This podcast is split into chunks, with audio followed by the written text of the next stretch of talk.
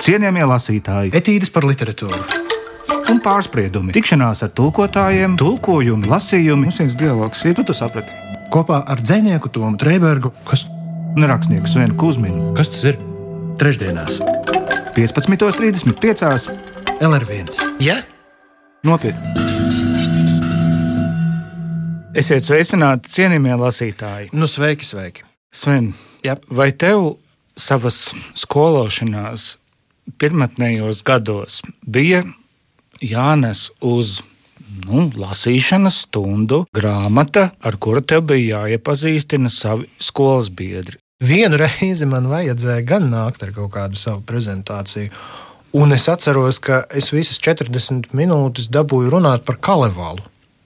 Ko es viņiem stāstīju par kalevālu? Es tiešām neatceros, bet nu, tās bija 40 minūtes. Tur laikam bija atļauts izvēlēties, un tad es izvēlējos. Tad es nācu ar to milzīgo kalevālas izdevumu, rādīju bildes un stāstīju, ko es stāstīju. Zina. Mans jautājums tiecas uz ļoti konkrētu epizodi no, no manas šīs bērnības pieredzes. Tad, kad skolotāja aicināja atnest katram nu, to, to grāmatu, par kuru viņš gribētu runāt, un kur arī nu, tā ir izlasījis. Man, man liekas, nu, tad nu, bija tāda iespēja izlasīt Faustu. Fausta. Jā, Gēdis. jā, jā, jā. Nu, man ļoti patika. Un, un es aiznesu to, to Faustu, to literatūras stundu. Un Paga, tad- un klase, kura lūdzu kontekstam? Nu, pirmā, pirmā, Pirmā jā. klase. Tā, Nu, jā. tad, Un tad man skolotāja Ināra ieraudzīja to grāmatu un teica, nu, zini, kā to man liekas, ka taviem biedriem tas būs nedaudz par sarežģītu. Varbūt arī tu īsti nesaproti, par ko tajā grāmatā ir. Un um, varbūt kaut ko atnes vienkāršāku. Nu, tad es nākamajā dienā atnesu vieglāku grāmatiņu, kur lasīt. Tad tā bija Volta Disneja grāmatiņa Bambijas. Un tad man skolotāja ieraudzīja to grāmatiņu un teica, ej, bērni, paskatieties, ko Toms atnes Bambijā! Ineta, paldies. Es saprotu, ka tu gribēji pašu labāko, bet tajā reizē man tas tiešām iedēstīja tādu netaisnības asniņu. Bet, protams, ka viņš eh, palika pagātnē.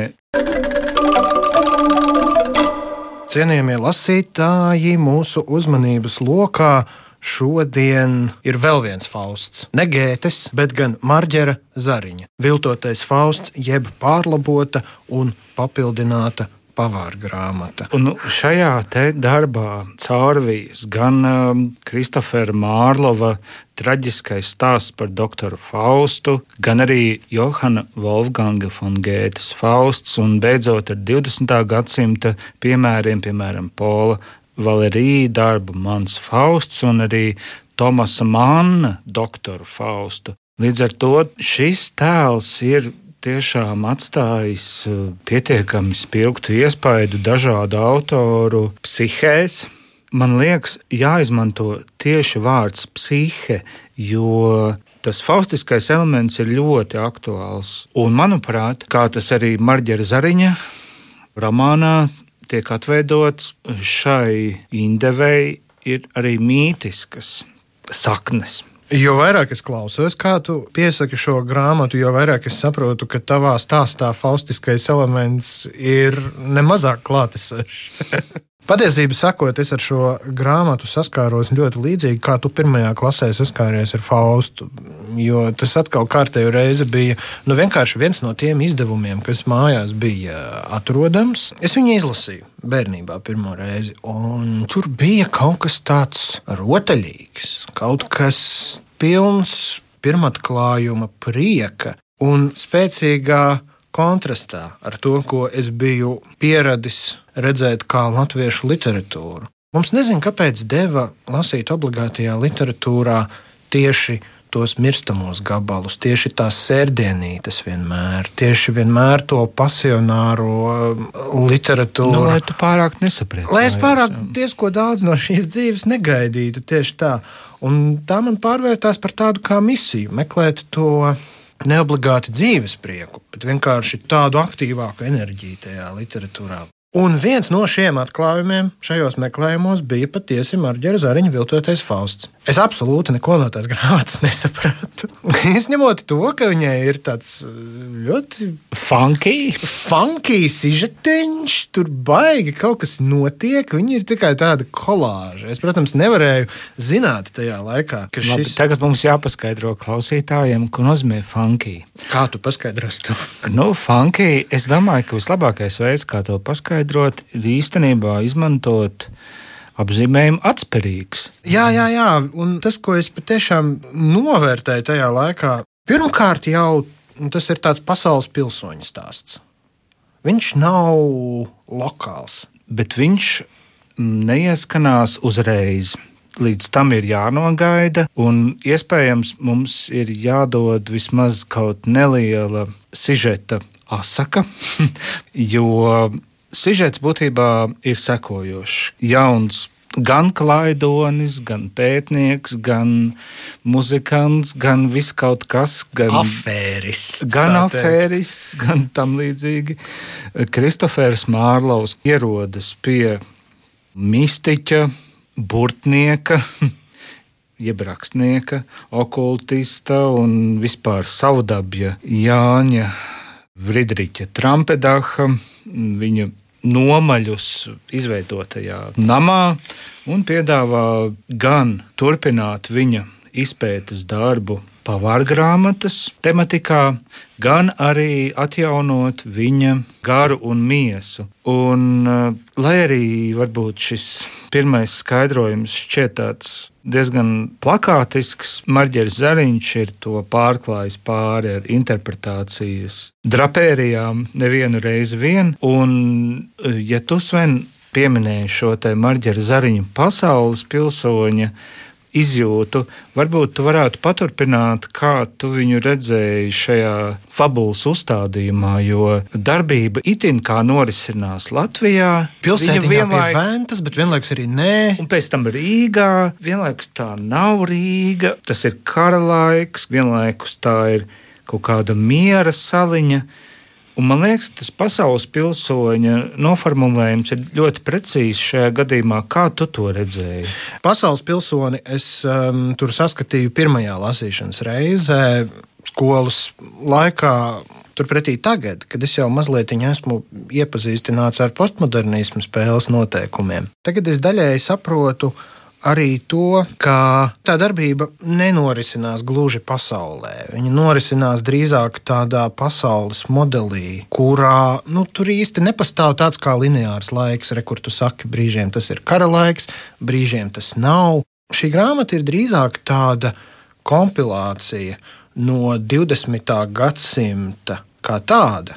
20. gadsimta gan vēsturiskā izpratnē, gan arī filoloģiskā, bet tikai tie dažādie slāņi, vēsturiskie, un filoloģiskie un kultūroloģiskie, viņi nav tik ļoti redzami nodalīti cits no cita, vai ne? Viņi ir samīcīti kopā tādā lielā un ļoti krāsainā masā. Un līdz ar to es nemaz nevaru vairs pateikt, vai šī grāmata norisinās pasaulē, vai arī viņa norisinās kaut kādā meta stāsta, pārstāsta līmenī. Ja? Tā ir grāmata, kas ir par grāmatu, kas ir par grāmatu, kas īsti nav grāmata, un kura jau ir pietiekami novecojusi, lai viņu pārrakstītu kā jaunu grāmatu. Nu, tas ir tipisks postmodernistu spēlītis.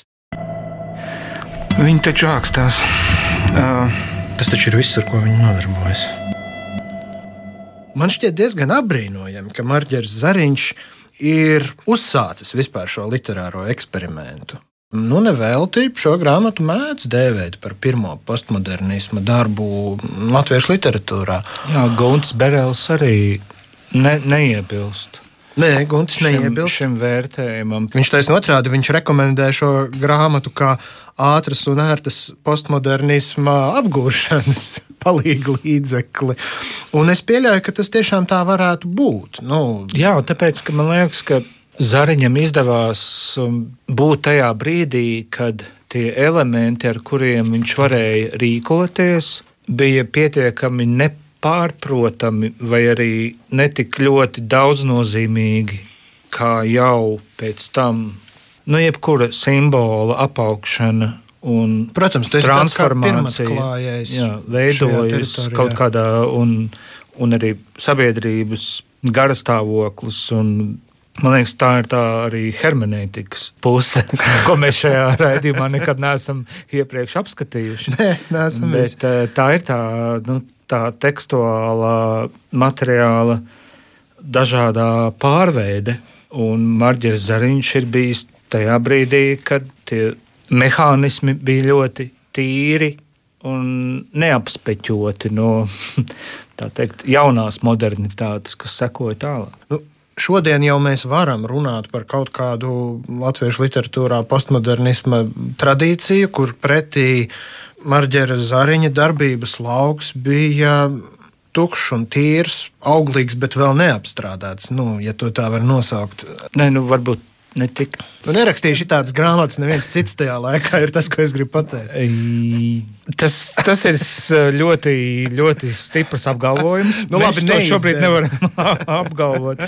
Bet, bet, bet nu, katrā ziņā jā, nu, šim laikmetam tas ir ļoti, ļoti interesants piemērs.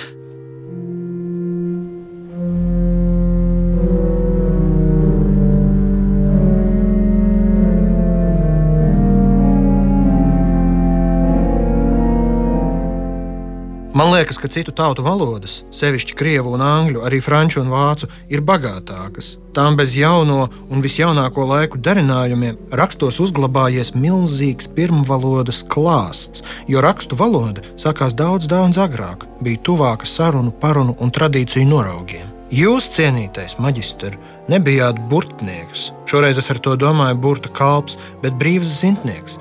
Jūs klausījāties tautas valodu, iegaumējāt viņas pasmago izteiksmi, retus vārdus un saukumus, lai tos par jaunu iedzildinātu.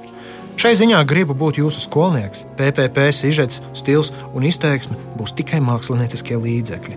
Ar tiem paudīšu jaunas idejas, jaunu saturu. Ļaujiet izmantot šo iespēju, dārgais skolotāj.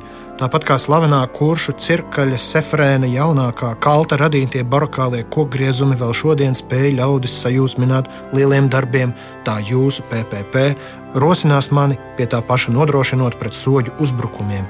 Neliedziet man savu atbalstu, ļaujiet iet suplaka gaitu. Vecais klusēja. Raugoties maģistra pārakmeņotajā, neko neizteicošajā sejā, Mārlovu pēkšņi pārņēma kurps niknums. Pērtiķis uz dārglietu kaudzes. Vai gan Kristofers jau toreiz Londonā nebija lamājis muļķus, kas aizmugurē čukstēja, ka viņš savu Fausta pazudināšanu esot aizguvis no senas leģendas, kuru atradis vecajā pilsētas bibliotēkā, viesodamies pie krustmātes Miss Kembelas eiras grafistē Skotijā? Nu, un tad? Kurš gan vairs zina šo leģendu, bet kas nepazīst Mārlova Fausta pazudināšanu? Vecāngļu valoda, kuru Kristofers tā mīlēja, deva ierosmi. Taču galvenais nebija izcelsme. Galvenais bija Fausts, nepiepildāmās izziņas slāpes, cilvēka traģiskais liktenis tās nepiepildīt.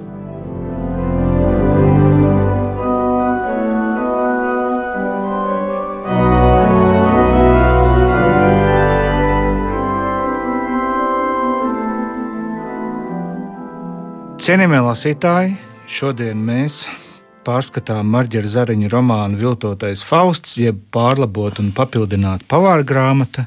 Man liekas, mums vajag parunāt par literārajām atsaucēm. Ja? Katra cilvēka dzīvē pienāk tas brīdis, kad ir laiks parunāt par literārajām Es gribētu atsaucēm. jums parunāt par literārajām atsaucēm, lūdzu, ja, ja, ja būtu tāda iespēja. Mums ar tevi būs nopietna saruna.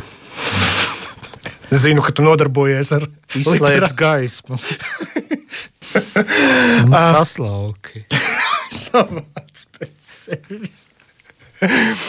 Nē, bet patiešām tas pārbagātais literāro atsauču uzslāņojums, kas ir raksturīgs nevis tikai šai Marģera Zariņa grāmatai, bet postmodernisma kultūra vēsturiskajām spēlēm kā tādām. Tu zini, man ir jāatzīstas. Man bija ļoti ilgu laiku dzīvē tā, ka šīs kultūra atsauces man ļoti apgrūtināja darba uztveri, jo man likās, ka, nu kā, ja jau tās atsauces tur ir, tas nozīmē, ka man viņas visas ir nu, ideālā variantā. Man pēc iespējas vairāk šīs atsauces ir jāuzmeklē un jāatrod.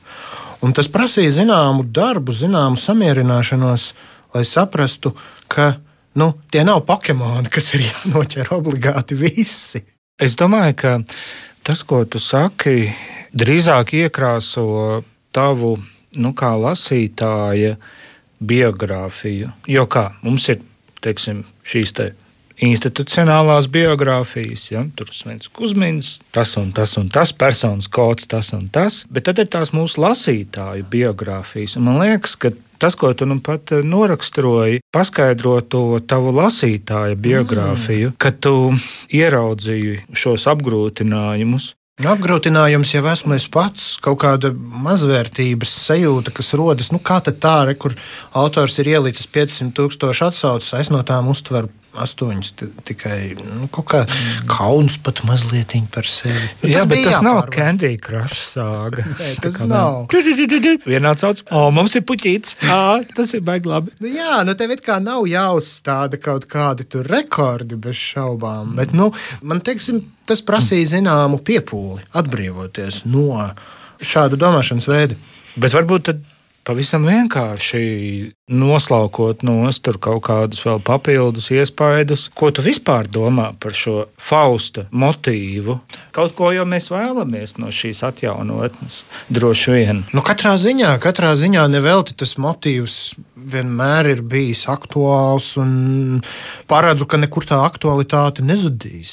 Nu, gribas jau runāt cilvēkam par šīm lietām, par uh, kļūdām, ko es labprāt izlabotu, par kaut kādām garām palaistām iespējām, kas ar katru gadu samazinās. Nu, bez šaubām, bez šaubām. Tā ir tāda ļoti cilvēciska lieta. Man tikai ir sajūta, ka postmodernisms drusciņā tā kā gandrīz vai kaunās no tās cilvēcības un cenšas to tēmu atrisināt kaut kā, kaut kā baigi stipri konceptualizējot.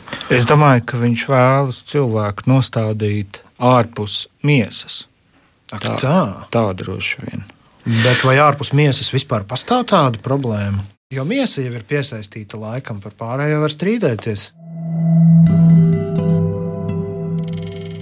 Cienījamie lasītāji, Marģera Zariņa romāns Viltotais Fausts, jeb pārlabota un papildināta pavāra grāmata, kura pirmo reizi ir lasītājiem bijusi pieejama 1973. gadā. Mēs jau pirms tam ar Svenu mēģinājām šo kliņķu cirst, un kaut kādā ziņā arī atskaldījām noteiktas daļas par to, kā uztvert šo romānu, jo tiešām viņš ir ļoti gan uh, kultūra atsauču bagāts, gan arī tematiski sabiezināts, gan arī sižetiski samazglots. Droši vien Marģera Zariņa primārā stihija, mūzika un kompozīcija, jo viņš ir mūsu viens no izcilākajiem komponistiem, apmēram 30 filmām bijis mūzikas autors. Un, um, tāpat kā mūzikā, acīm redzot, arī literatūrā viņš pārstāv šo modernistisko neprātību un arī tādu pavisam piezemināto vai, vai zemē tuvāk pietuvināto cilvēcisko jūtu atveidojumu. Un Tāpēc es nolasīšu fragment, kurš iegaismo šī romāna arī to romantisko spektru. Šī ir tāda epizode, kurā vienkārši ir divi cilvēki, kuriem ir zināmas emocionāls jūtas vienam pret otru, bet romāna gaita un Marģera Zariņa savītie stilistiskie mezgli nebūtu neļauj šai situācijai būt vienkāršai.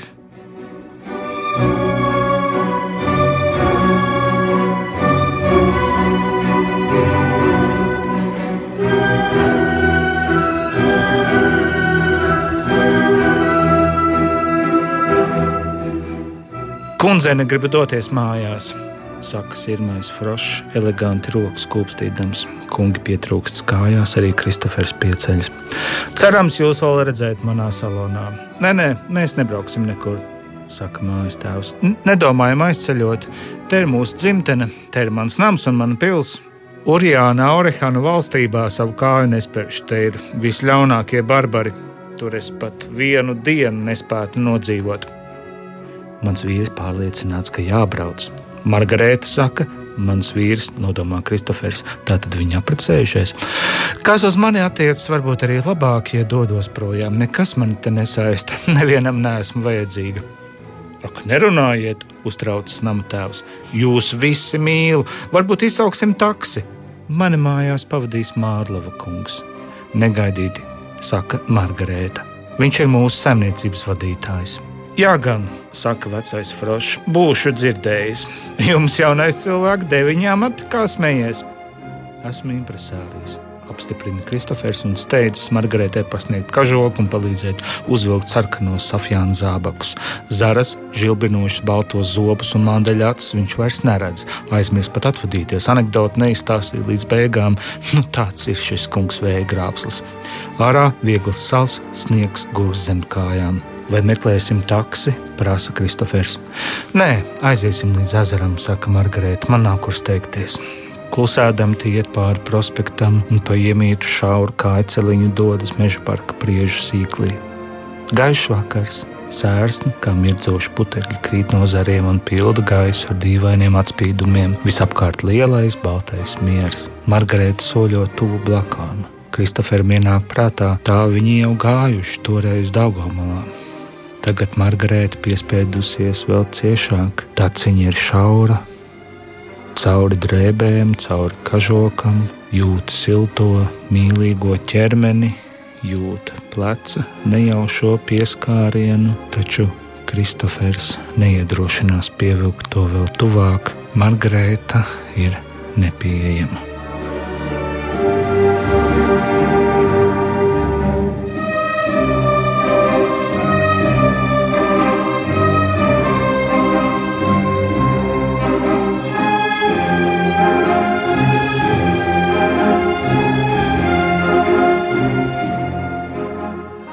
Mēs nevaram izstāstīt, par ko ir šajā grāmatā. Tāpēc tas ir vienkārši ļoti daudz, par ko tur ir. Tev arī ir tāda sajūta, ka kņudu un kniešas ir tādas, ka mēs neesam izstāstījuši līdz galam. Mēs esam kaut ko nepateikuši, bet to nevar pateikt.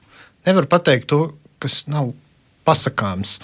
Mēs varam vien, vienīgi atzīmēt to, ka pirms faktiski jau diviem gadiem Marģerim Zariņam bija apaļ jubileja, jo viņš ir dzimis 24. maijā 1910. gadā Jaunpiebalgā, starp citu. Jā, bet par grāmatu tas mums nepalīdz vēl vairāk, ko saprast. Nē, nu, tas vienkārši tāds, tā kā, zini, Laura Vainags, kur gribētos uzlikt. Un Jā. Es nenoliekšu, bija ļoti grūti ar šo grāmatu. Bet, klaunu, bet tāda taču ir arī eksperimenta daba. Eksperiments taču ir kas pēc savas būtības. Tu mēģini izdarīt kaut ko tādu, kas līdz šim nav darīts. Un tu nezini, kāds būs rezultāts. Jo, ja tu zinātu, kāds būs rezultāts, tad tas vairs nebūtu eksperiments. Nu, katrā ziņā, cienījamie lasītāji, caur šo grāmatu jūs uzzināsiet, kā pagatavot meža cūkas galvu, svilinātu teteri, Jā. briedenes krējumā, zilo būku pudiņu, saložus un arī vēl vairākas receptes. Kas ir saloži? Saloži ir, ir kas, saldēti baloži? Nē, saloži ir tā ir kaut kāda zivju suga, bet šajā izdevumā, kuru mēs ar tevi, Sven, lasījām, kurš ir izdots Atēnas bibliotekā 2003. gadā, te par saložiem sauc neko citu kā vien. Nu, jā, Tā tad tās ir zivis. Visu labi. Visu labi. Tiekamies nākamajā reizē. Tā, tā. Cienījamie lasītāji, etīdes par literatūru un pārspriedumi, tikšanās ar tulkotājiem, tulkojumi, lasījumi. Mums viens dialogs ir, nu, tu saprati. Kopā ar dzinieku Tomu Trēbergu, kas un rakstnieku Svenu Kusminu. Kas tas ir? Trešdienās, 15.35. LR1. Ja? Nopietni!